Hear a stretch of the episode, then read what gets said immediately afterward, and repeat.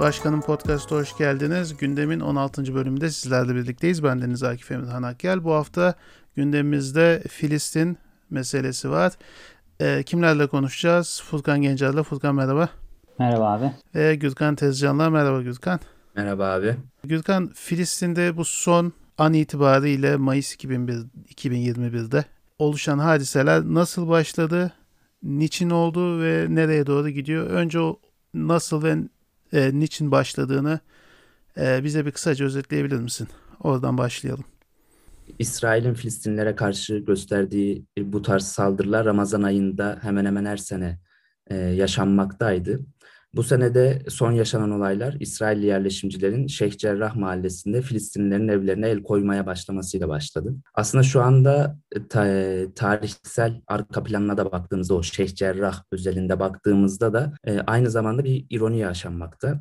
Öyle ki şu anda evlerinden çıkartılmaya çalışılan Filistinliler 1948'de Hayfa'dan zorla sürülerek bu mahalleye yerleştirilen aileler. Yani o dönem Hayfa'dan sürülüp buraya getirilmiş. O dönem yapılan anlaşmaya göre 28 aile mülteci statüsünden kurtulma şartıyla buralara geliyorlar, buraya yerleştiriliyorlar. Daha sonrasında da 1970'lerde kabul edilen bir yasa ile İsrail'in Kudüs'ün kontrolünü ele almasıyla bir vakıf yani İsrailli bir vakıf bu mahalledeki ailelerin tahliye edilmesi için çalışmalar yürütüyor yıllarca ki son dönemde yaşananlarda da bu vakfın ciddi çalışmalarının etkisi var. Onlara göre bu evler zamanında Yahudilere ait. En son zaten üç evden zorla tahliye işlemleri yapılmıştı bu olaylar şiddetlenirken. Bu tahliye işlemi de çok zaten barbarca yapıldı. İnsanların evlerine girip mobilyalarını dışarı çıkarttılar, fırlattılar.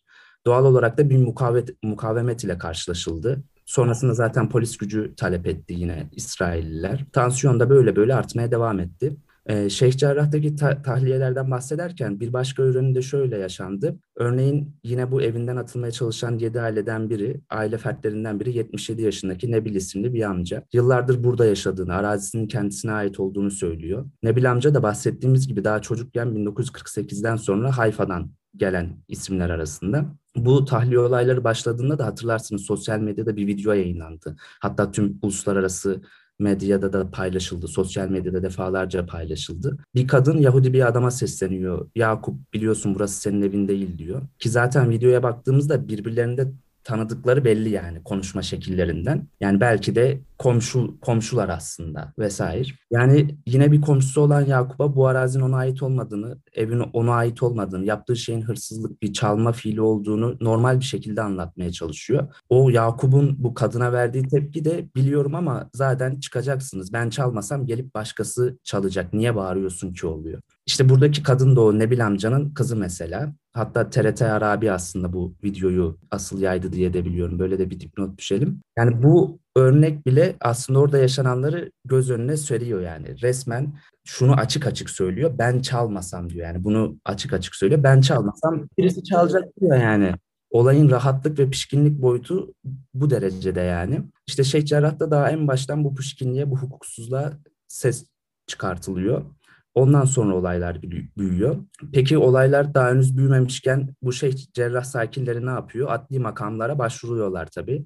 Nebil amca dahil 7 aile şikayetlerini e, yapıyor. Olaylar nispeten büyüdüğünde de İsrail Anayasa Mahkemesi bu konuyu ele alacağını söylüyor. Buradaki ironi de şu, İsrail'in belirlediği yasalara göre bir karar verme oturumu olacak. İsrail Anayasa Mahkemesi ele alacağı için o, olayı. Yani gerek Kudüs'ün gerekse de o mahallenin uluslararası hukuktaki yeri göz önünde bulundurulmayacak. Zaten İsrail ve İsrailli bu yerleşimciler kendi hukuklarında Filistinlilerin evlerine el koymayı meşru ve haklı görüyorlar. Bu topraklar 1948'den önce şu şu ailelere aitti gelip bunlar oturmalı diyorlar. Ki Şeyh Cerrah civarında bulunan Yahudiler bunu hatta CNN'e falan verdikleri röportajları gördük. İsrail Anayasa Mahkemesi Filistinli bu yedi ev sahibini haklı bulsalar dahi biz gelip bu evlere el koyacağız diyorlar. Çünkü buralar bize ait diyorlar. Hatta bir tanesi röportajında bu, bu kararı hukuksal bu kararı tanımayız diyorlar açık açık. Tabii bu olayların artmasından sonra davalara ilişkin ne olduğunu bilmiyoruz. E, malumatımız yok. Ama sadece en son şu söyleniyordu. İsrail olaya sanki basit bir gayrimenkul problemiymiş gibi yaklaştı. Hatta mahkemenin de sanki bu düzeyde yaklaşacağı iddia ediliyordu. Bu uluslararası basına yansıyan tarafı da buydu zaten. Almanya'da e, birazdan e, anlatırız, üzerine konuşuruz. e, meşhur Bild diye bir gazete var. Avrupa'da da en çok satılan gazete. Hala daha matbu hali.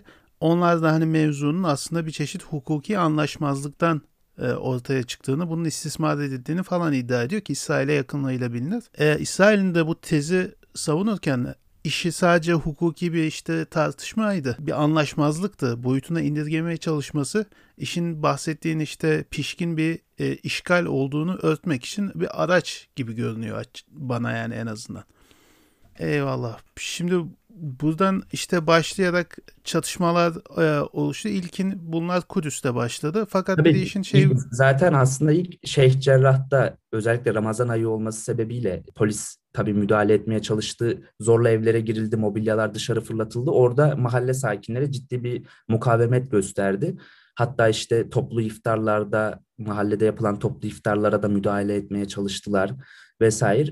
Böyle böyle artınca müdahaleler, orada alevlenmeye başlayınca olaylar doğal olarak e, Kudüs'ün diğer bölgelerine hatta Filistin satına neredeyse yayılacak düzeye geldi. Hatta İsrail'in belli başlı şehirlerine de yayıldı. Sonrasında yine özellikle Kadir Gecesi'nde Mescid Kadir Gecesi'nden bir gün önce ve Kadir Gecesi'nde Mescid-i Aksa'da çok şiddetli bir e, İsrail polis müdahalesi olunca zaten olaylar çok çok daha büyüdü ve artık günün sonunda Gazze'de uluslararası medya kuruluşlarının dahi binalarını vuracak işte Hamas aslında şeyiydi e, örgüt eviydi gibisinden açıklama yapılıp vurulacak düzeye kadar ilerledi. En sonunda biz bu kaydı alırken herhalde Gazze'deki ölü sayısı Filistin Sağlık Bakanlığı'na göre 198'di sanırım. Yani buradaki e, basın yayının işte orada yanlış hatırlamıyorsam AP'nin e, bürosu AP vardı. El Cezire. El Cezire'nin değil mi? Hani herhangi bir basın özgürlüğü tartışmasının dışına çıkarılması için böyle bir kolaylık var. İşte Hamas'a aitti bina. Onlar da kiracıydı ve Hamas'ın da büroları vardı gibi komik e, bir gerekçe sunuldu. Öte yandan e, buna gelene kadar kaç senesiydi hatırlayamıyorum. Dökme kurşun operasyonu zamanı olabilir. E, gazetecilerin dolu olduğu bir otelin önünde sahilde oynayan 3 tane çocuğu helikopterlerle tarayıp öldüren bir rejimden bahsediyoruz İsrail'den bahsederken.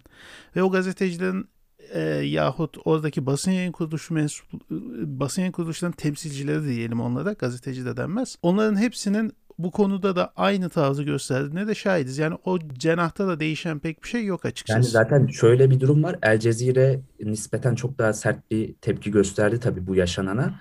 Ama e, AP'nin konuyu tweetlerken tutunduğu takım çok ilginçti. Yani İsrail kuvvetlerinin binayı boşaltma yönünde bilgi verdiği söyleniyor gibi. Yani en azından haber verdi adamlar bir cana zarar gelmesin diye böyle bir güzellikte yaptılar düzeyinde neredeyse bir açıklama geldi. E, bu kafa ne kafası biliyor musun? İkinci Dünya Savaşı zamanında işte uçaktan önce e, uyarı biz ilanı attık. Dolayısıyla şehrinizi yerle bir edip bombardımana tabi tutabiliriz şey, diye. E, Duisburg'daki e, şeyde Dresden'de de yapıldı. Dresden, Almanya'nın hemen her şehrinde yapıldı. Dresden'deki e, savaş artık fiilen diyelim bittikten sonra yapılmış bir cezalandırma e, şeklinde düşünülebilir. Ama Almanya'nın hemen her şehri bombalandı halı bombardımanı şeklinde öncesinde sen haber vermiş olman yani düşünebiliyor musun yaşadığın evi birazdan sana işte haber verecekler 3 saat sonra senin evini yerle bir edeceğiz diye. Sen de ha ne güzel ya sağ olun valla iyi ki haber verdiniz mi diyeceksin. Ya bu nasıl bir hoşgörüdeki hani gönlü bolluğa bakar mısın? Ya sağ olun ya iyi ki haber verdiniz bize mi diyeceksin. Bu kadar salakça bir şey olmaz yani. Ve bunu yapan adamlar da dünyaya basın özgürlüğü, gazetecilik dersleri falan veriyorlar. Hani tüm kavramlar zaten bomboş da bu, bu iyice komik. Bizzat kendilerine yöneltilen saldırıda dahi bu kadar halim selim bir tavra bürünebiliyorlar. Çok acayip.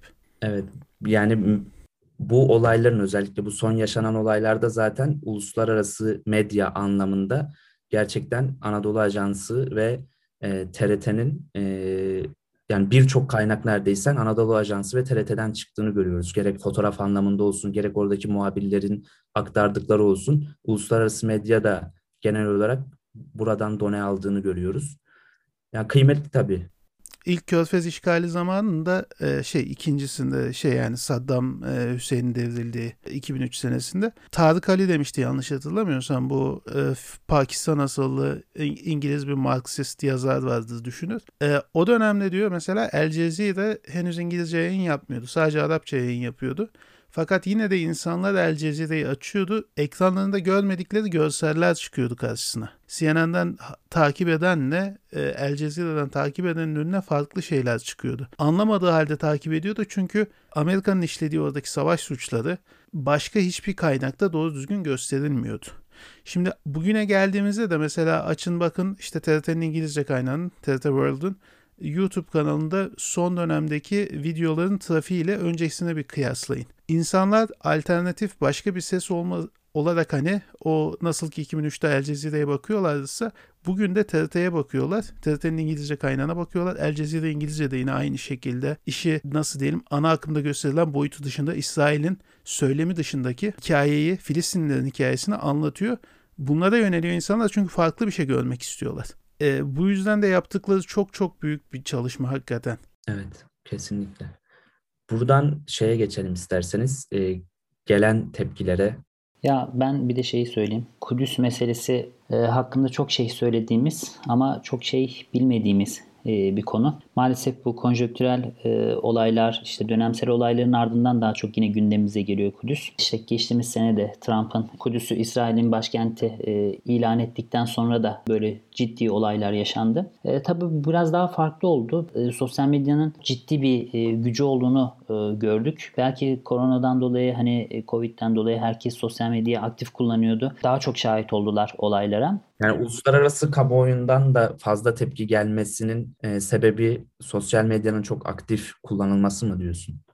Tabii tabii yani çok ciddi tepkiler gösterildi. Mesela ne yapıyorlardı? Gazetelerin manşetlerini değiştiriyorlardı kelimelerini. Aslında işgalci, evet. e, işte sığ, evet böyle e, düzeltmeler yapıyorlardı ve bunu e, birçok ünlü, birçok e, aktivist tarafından hani desteklendi. Ben bundan da hani Mescid-i Aksa'daki yakılması çok ciddi bir olay oldu. Orada sevindi İsrailliler İsrail onu izlerken. Evet, e, tabii ne olursa olsun bir kutsal mabedin yakılması farklı inanca mensup insanları da etkiledi. Bir inancın, mabedinin yakılması ve onun karşısında farklı inançtaki insanların dans edip gülmesi, eğlenmesi çok korkunç bir şeydi. Yani buna uluslararası anlamda bunun videolarının yayılması da bir şoka uğradı. Yani ne oluyor? Orada bir e, mabet yakılıyor. Bir tarafta işte e, Yahudiler e, eğleniyor, şarkı söylüyor. E, ya burada bir korkunç bir tablo vardı.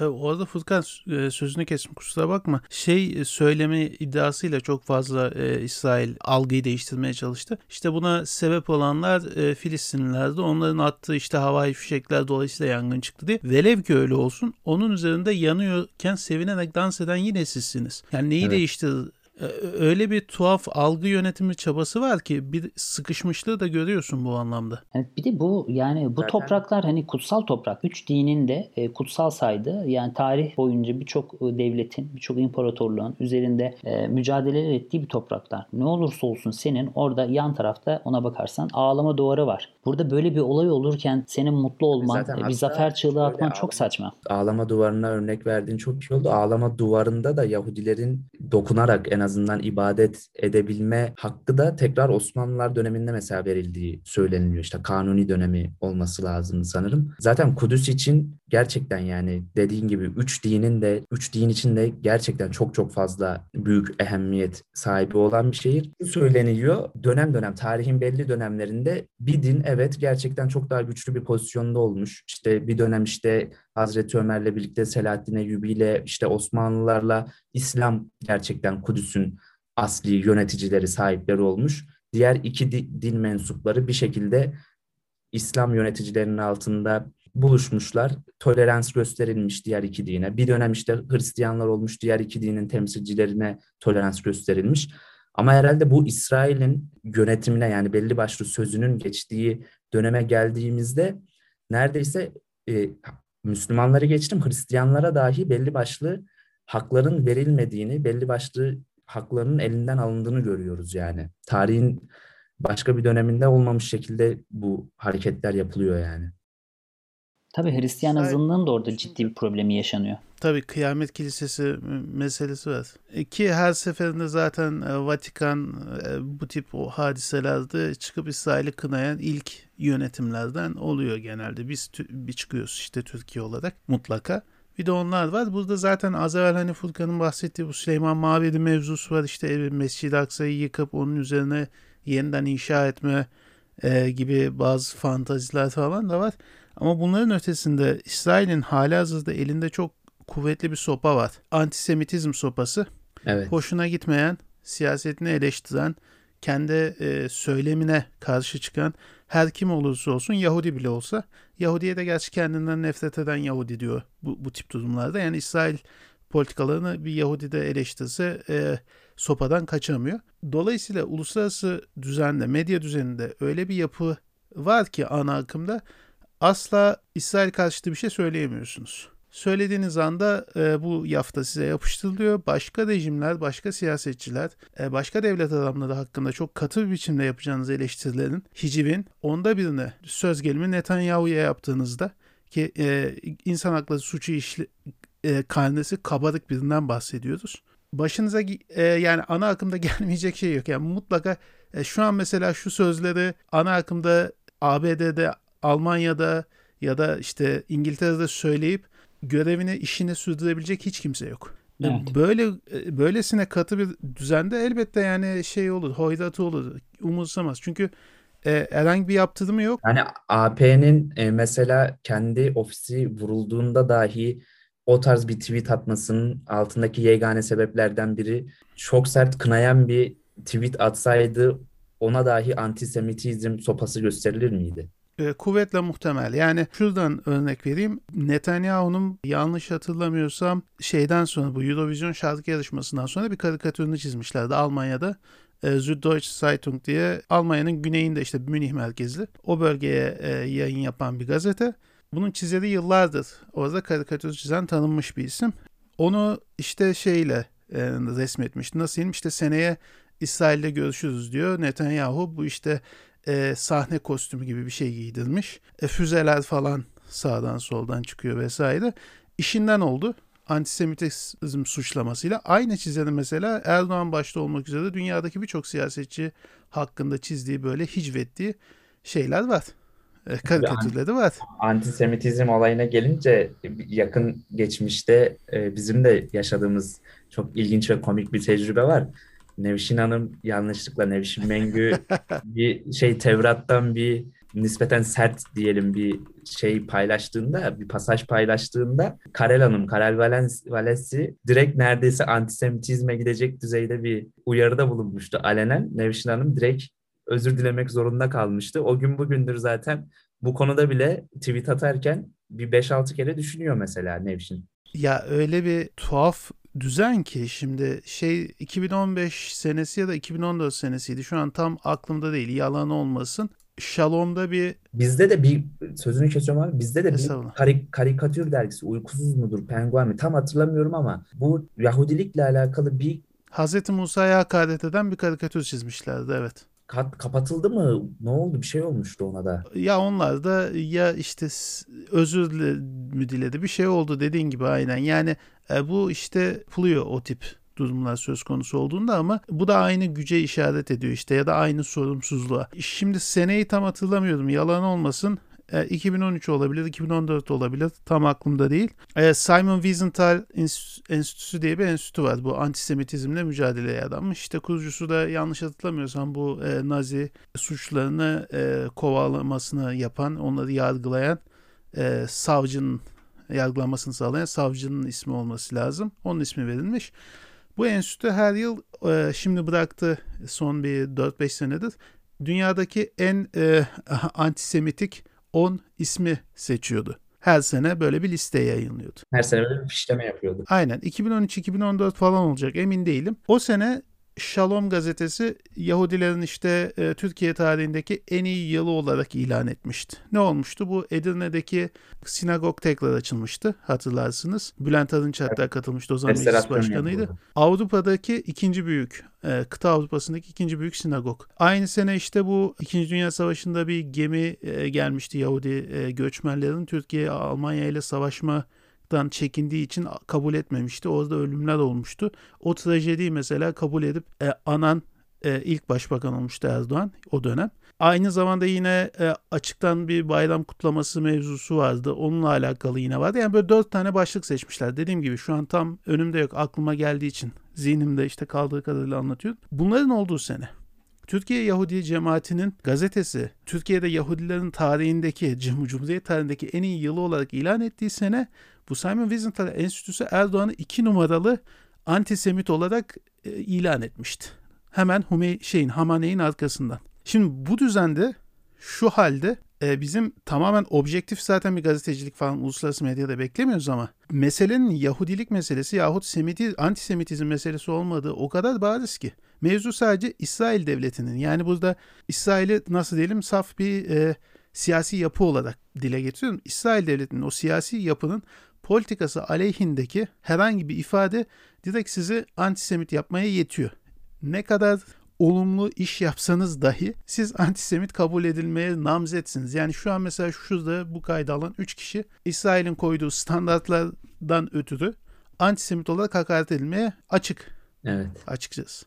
Antisemitizm kavramını hep deniyor ya işte Sami ırklarına nefret. Buradaki Yahudilerin e, bunu tek eline alması da garip bir mevzu. E, tabii bunun da baktığın zaman 2. Dünya Savaşı'ndan sonra sinemada yoğun bir şekilde bu konuların işlenmesi artık tekel olduğunu da gösteriyor. Tabii. Ya, o kültürel alanda o kadar ciddi bir etkileri var ki sadece kültürel alanda da değil, akademide de yani bu konuda herhangi bir şekilde kitap yazma gibi bir girişime bile giremezler. Ufacık bir eleştiride dahi adam dediğimiz gibi yıllardır şey çalışan biri bile işinden olabiliyor. Burada yalnız şey de ilginçti. Sen az evvel bahsedince aklıma geldi. Bu Oscar ödül törenlerini mesela tarihinde işte şeyi e, nasıl diyelim bunların ilk defa verilmesini falan organize eden zat e, Yahudi bir isim. Bu da e, diyor ki vaktiyle o dönemlerde hala daha aktörlük, aktrislik bir nevi düşük bir iş gibi görülüyordu.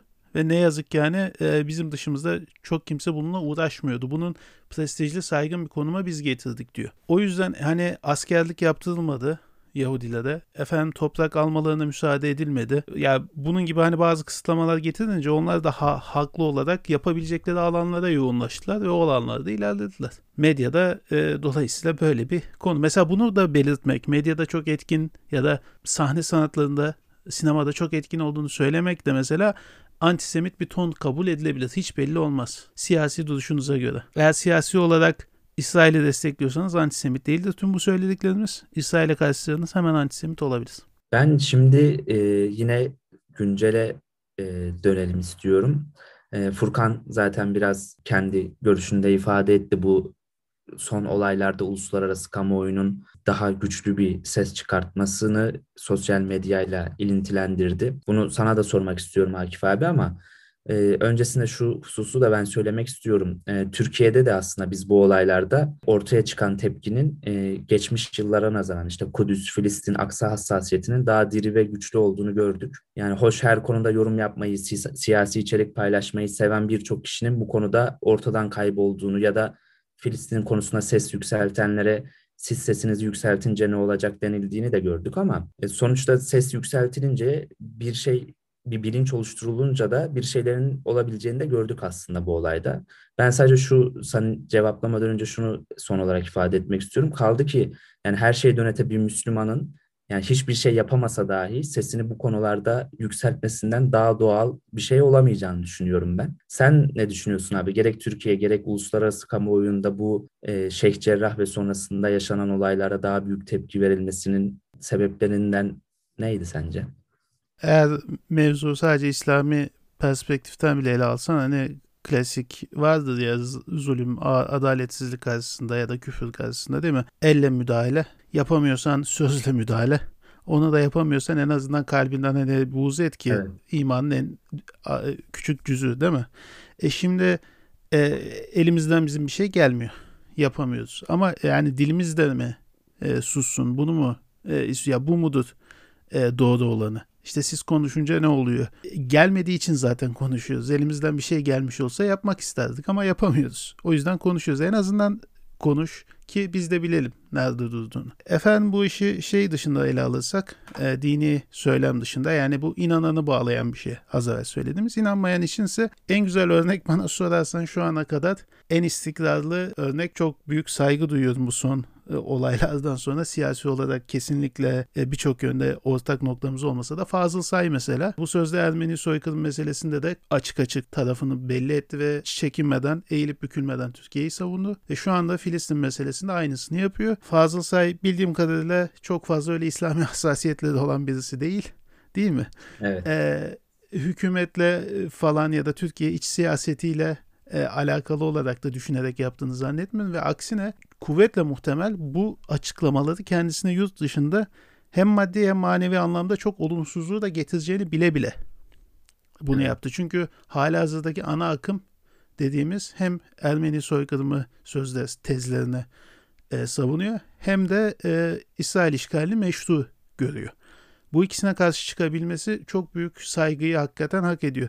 Aynısını ben isterdim ki Türkiye'nin Abi bir de şöyle bir durum var. Ee, çok kısa lafını kesmek istiyorum ama dediğin gibi Fazıl Say aslında dünyaca ünlü bir piyanist.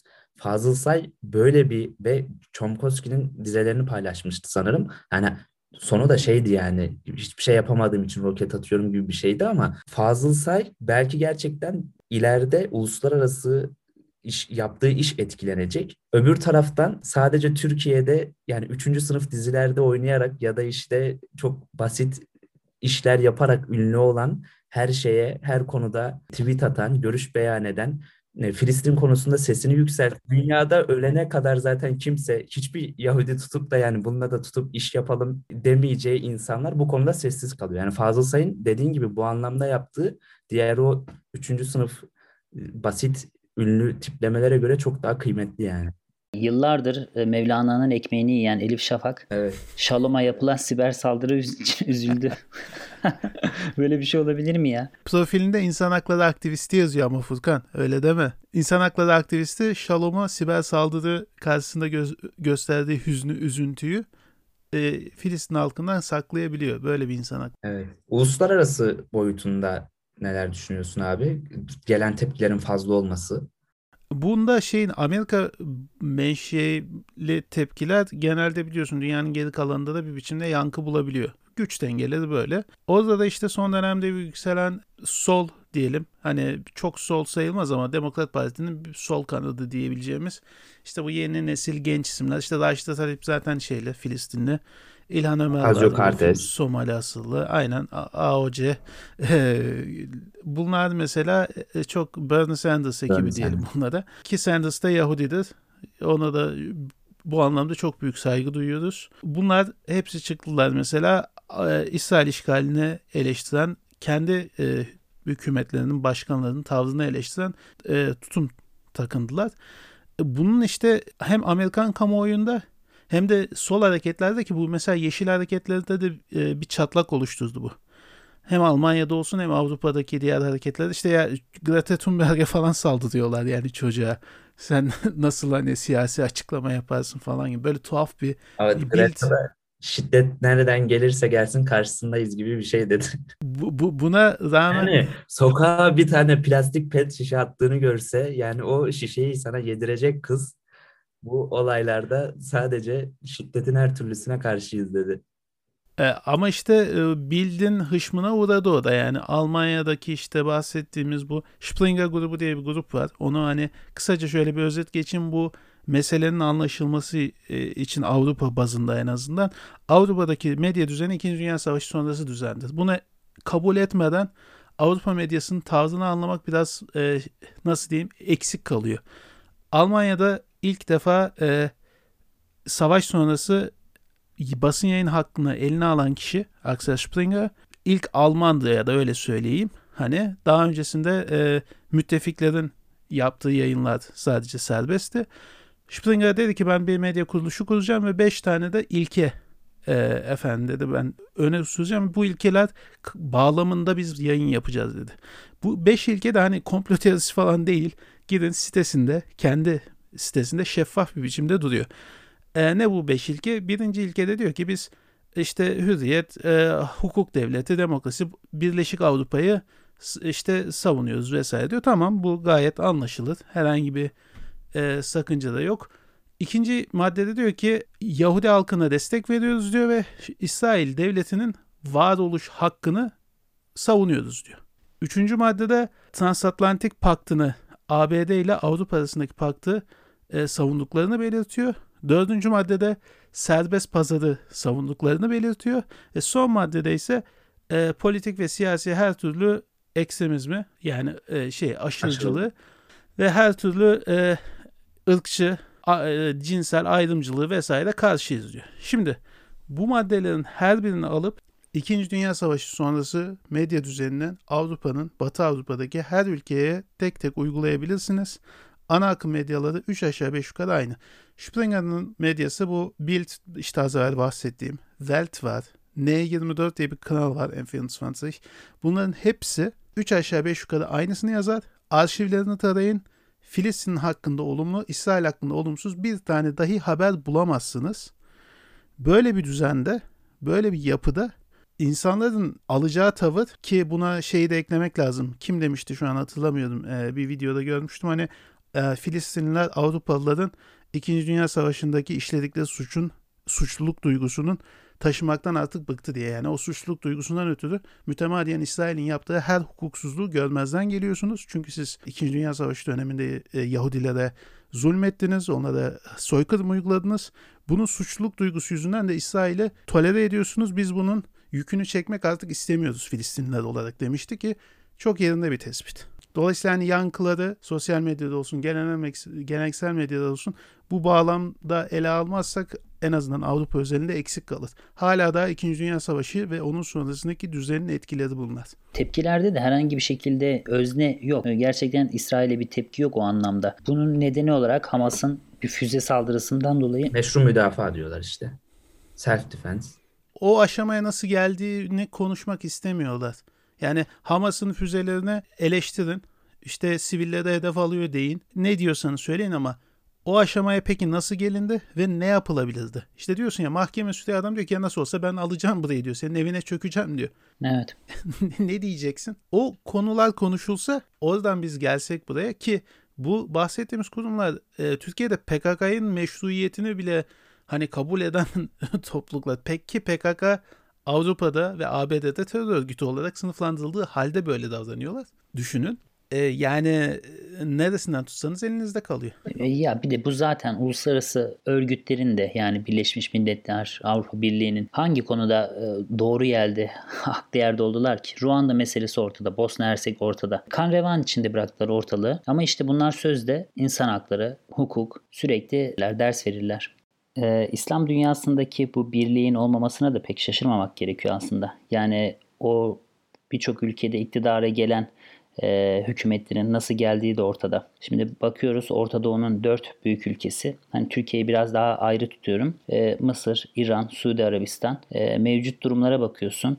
E, Mısır'da yakın zamanda yaşamış olduğu hani darbe var. Onun öncesinde Arap Baharı var. İran'da zaten ortalık sürekli hep bir karışık kendine yetmeye çalışıyor. Ambargolarla uğraşıyor. E, Suudi Arabistan'da bir reform süreci var. Bu yüzden çoğu olaya çok fazla dokunmuyorlar. Bu bel kemiği denen Mısır'da da hani güçlü liderler yok. Çünkü Orta Doğu'nun birçok ülkesinde güçlü liderlerle ancak bu mücadele oluyordu. Mısır'da Enver Sedat, işte Cemal Abdülnasır falan bunlar olduğu zaman, Kral Abdullahlar olduğu zaman çok güçlü bir şekilde bir mücadele vardı. Arap Birliği İsrail'e savaş açıyordu. Ha, hepsini kaybetti.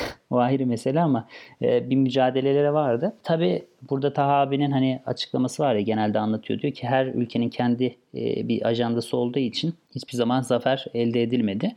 Ama ne olursa olsun yani e, bir birlik vardı. Şu an herhangi bir birlik yok. Yani söyledikleri şeylerin herhangi bir e, etkisi yok. Ki şöyle bir şey de var. Yani girmek istemiyorlar bu topa. Bu topa girenlerin hepsi bir şekilde öldü. Yani hem e, Arap dünyasında da, da İsrail tarafında da. Bahsettiğin şeyde de ama şu nokta da var. Mesela e, yarın işte e, şeyin seçim kaygısı yok. Sisi'nin. Hani e, ya da Muhammed Bin Selman'ın seçim kaygısı yok. Kamuoyundaki oluşan o tepkiyi e, bir karşılığı olmayacak. Yani kamuoyu tepki gösteriyor. E, çok sert çıkışlar da yapılıyor ama bir şey değişmeyecek. Ya da Birleşik Arap Emirlikleri'nin trollerini görüyorsun hani aksanın içerisinde o taşları kim taşıdı falan yazıyor. Evet. Muhammed Bin Zayed'in şey seçime girme gibi bir kaygısı yok. Seçim kaybetme gibi bir kaygısı yok. Dolayısıyla o kadar hani e, kamuoyu tepkisiyle hareket etmiyorlar. Motive olmuyorlar. Bir de o bahsettiğin e, savaşlardan ötürü de hani bir şey var. Çekince var. Doğru, evet. Ya hem savaşlardan dolayı hem oradaki iktidarda gelen liderlerin hepsinin bir şekilde İsrail en önemli politikalarından biri olmuş. Ama politikaların sonucunda önemli bir kısmı ölmüş zaten. Ee, ölenlere baktığımız zaman yani e, Enver Sedat bu nedenden öldü. Kral Faysal'ı yeğeni öldürdü sarayda. Hmm, yani. evet. E, Camp David hangisinde olmuştu? Enver Sedat'ta olmuş. Sedat evet. O zaman Menahem Begin'le Ha, anladım. Bu politikaları hani bir şekilde İsrail'e hem olumlu e, yönde yani savaşı bitirecek e, bir mücadelede mesela Oslo görüşmeleri vardı 91 93 müydü yılları arasında. E, orada bir biraz yaklaşmışlardı barışa. Orada da bu sefer İsrail tarafından bir ölüm olmuştu. Rabin öldürülmüştü. İzak Rabin evet. Evet çok ciddi e, tepkiler gösterilmişti hani barışa yönelik. E, mayınlı bir arazi yani İsrail konusunda herhangi bir bu mücadele konusunda herhangi bir rol almak sonunu da getiriyor insanın. O yüzden yani o Arap Birliği'nin olmaması, Orta Doğu'da hani bu birliğin olmamasına çok şaşırmamak gerekiyor. Hele bugün daha da zor. Sen söyleyince aklıma geldi onu da eklemek istedim. Bu e, eski Alman Başbakanlarından Helmut Schmidt var. E, entelektüel kimliğiyle tanınan. Onun vefatından birkaç sene önce bir söyleşisi vardı İsviçre'de. E, sorduğunda gazeteciler şey demişti tanıştığınız hani en değerli, kıymetli devlet adamları kimlerdi diye. Bir tane söylemem çok zor ama en üst düzey olanlar birisi Deng Xiaoping'ti demişti Çin'de.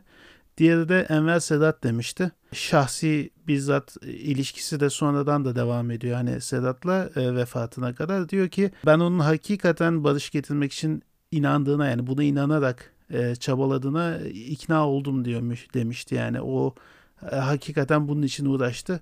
O yüzden de bunu canıyla ödedi deyivermişti. Bir şey diyordun Gürkan araya girdim kusura bakma. Ben de e, yok abi estağfurullah Furkan'ın dediklerine hem biraz ekleme olması açısından bu uluslararası örgütlerin diyelim tepkisi ne yönde oldu? İşte AB işte Borel demişti sanırım işte AB'nin bu konuyu çözebilecek kapasitesi yok demişti. Birleşmiş Milletler Genel Sekreteri Guterres Gazze'de çok ağır e, bombalamalar yapıldığı bir sırada işte şey paylaştı. Bir bale performansı izlediğini ve şahane bir performans izlediğini paylaştı.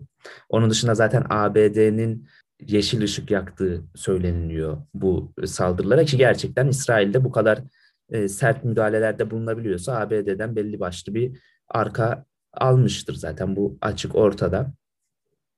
Yani tamam zaten Müslümanların ne AB'den ne BM'den herhangi bir şey beklemiyor ama yani bu kadar aleni de olmasını istemiyor yani insanlar. Bu kadar aleni bir ikiyüzlülük sergilenmesini istemiyorlar. Türkiye ve Arap dünyası özeline gelince de Mısır'da kamuoyu tabii biraz daha hassas olduğu için e, Sisi yönetimi diyalog kurmaya çalıştı.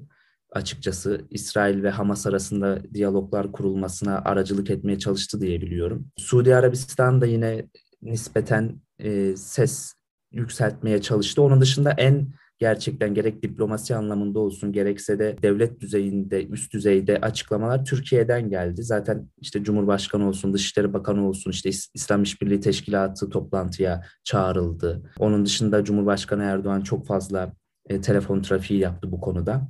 Hatta Taha abinin verdiği örneği söylemişti e, Furkan. Bu ülkelerin kendi iç siyasi dinamiklerini de göz önünde bulundurmalıyız. Neden tepki vermiyorlar hususunda dedi. Şöyle bir durum var. Türkiye belki de İsrail'le yavaş yavaş normalleşme sürecine gireceği, hatta belli başlı çıkarlar sağlayabileceği bir dönemde buna rağmen burada yaşanan olaylara yine en üst perdeden e, ses çıkardı. Bunun da ben kıymetli olduğunu düşünüyorum açıkçası. İran'ın zaten yine açıkçası bu konuda biraz hava civa olduğunu amiyane tabirle gördük ki Cumhurbaşkanı Erdoğan da en son İran'la görüştü yine. Ona İsrail'in e, bölgede arttırdığı şiddete ilişkin görüşlerini ifade ettiğini söyledi. Ben açıkçası bu yönden Türkiye'nin yaptıklarının bu son süreçte çok kıymetli olduğunu düşünüyorum. Bunu eklemek istedim açıkçası Furkan'ın dediklerine ek olarak. Yani gerçekten e, kendi hem iç kamuoyunda gerekse de İsrail'le belki yürütülecek normalleşme sürecinin hem işte Akdeniz özelinde olsun hem belki ekonomik düzeyde olsun getirileri olmasına karşın ki zaten diğer Mısır, Suudi Arabistan gibi ülkelerle kıyasladığımızda seçimle koltuğunu kaybedebilecek tek lider Erdoğan zaten. Buna rağmen en fazla çabayı da yine Erdoğan ve Türkiye yürüttü açıkçası. Peki e, bu tepkiler nasıldı? Bu diplomasiye yönelik ne, ne gibi tepkiler gösterdi? İsrail tarafından böyle açık açık en son oğlu çok fazla bize. Yani oğlu zaten oğlu Türkiye'ye sarmış bir düzeyde ama o açıkçası ona da biraz herhalde deli gözüyle bakılıyor. Bir troll gözü diye düşünüyorum. Yair Netanyahu. Onu çok şey yapmaya gerek yok ama tabii İsrail hem iç kamuoyunda olsun hem de işte siyasi figürleri anlamında Türkiye yine herhalde Türkiye ve Erdoğan en fazla hedefe konulan lider şu anda. Ee, bu şey gibi bir Umut Sarıkaya karikatürü vardı savaş öncesinde küçük çocuk yolluyorlardı karşıya küfür ettiriyorlardı. Ki hani oradan çocuğu dövsünler de savaş çıksın diye. O ne kadar pis bir şeyiniz varmış adetiniz varmış diye diğer taraf tepki gösterdi. Biraz Netanyahu'nun oğlunu ona benzetiyorum yani. Küfür eden e, çocuk kavga çıksın diye. Onu çok ciddiye almamak lazım Furkan'ın da dediği gibi. Eyvallah. Şimdi o zaman e, söyleyecek bir şey eklemek istediğiniz bir şey var mıydı zamanı? Çünkü bayağı bir ilerledik şeye girmeye herhalde çok gerek yok. Yani işte aslında bu Netanyahu'nun koltuğunu kurtarmak için yaptığı bir şey. Tabii tabii tabii. Ya o konuda zaten hani daha işte İsrail'de hükümet kurulmamış. Tam bunlar e, tartışıldığı sürede Netanyahu yani çok da büyük katkısı oldu bu işin. Açıkçası çok da sevinerek e, yaptığını ne yapıyorsa tahmin etmek güç değil. Eyvallah ağzınıza sağlık. Yani biz burada biraz da hani tarihe not düşelim diye konuşuyoruz. Ayrıntılı bilgili öğrenmek isteyenler ta Kılınç gündem ötesi yok Pelin çifti programı var ya. Ee, onun dışında tabii bu konulara gerçekten önem vermek lazım. Hani ilk başlarda ben söyledim ya sürekli bir konjonktürel bir olay, dönemsel bir olayla birlikte biraz Kudüs radarımıza giriyor. Ee, birçok insan yeni yeni birçok konuyu öğrenmeye başlıyor. Ee, bu konu üzerine gerçekten her Müslümanın e, farklı bir hassasiyet olması gerekiyor. Bu konu üzerine daha çok okuma, daha çok çalışma yapılması gerekiyor. Eyvallah. Bizim de e, daha öncesinde Selimhan Yeni Ercun'la yaptığımız Arap İsrail Savaşları bölüm 2 bölüm e, vardı. 48 ve öncesiyle daha sonraki işte 67 ve 73 savaşlarını konuşmuştuk. Ama Vakitane'nin birinci ve ikinci bölümünde keza gündemin 9. bölümünde de Mustafa Fatih Yavuz'la bu Arap-İsrail normalleşmesi sürecine yine ele almıştık. Meraklısına onları da e, yine nacizane tavsiye ederiz. Bizi dinlediğiniz için çok teşekkür ederiz. Bizi Başkanın Podcast ismiyle Twitter'da e, bulabilirsiniz. Soru, görüş, yorum, öneri, eleştiri hepsine talibiz. Beğendiyseniz de sizden paylaşmanızı istirham ediyoruz. Bir sonraki bölümde görüşmek üzere diyoruz. Hoşçakalın. Hoşçakalın.